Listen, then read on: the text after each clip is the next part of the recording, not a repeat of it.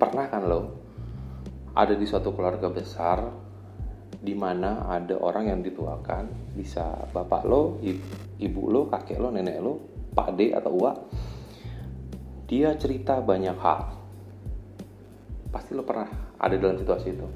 Cerita ketika dia zaman muda ketika dia zaman penjajahan wow serem banget ya.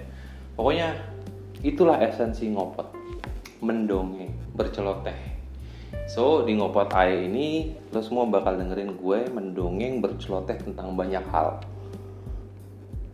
Silahkan diterima, silahkan didengarkan maksud gue bukan diterima. Diterima syukur, nggak diterima ya nggak apa-apa juga. Welcome to ngopot ai.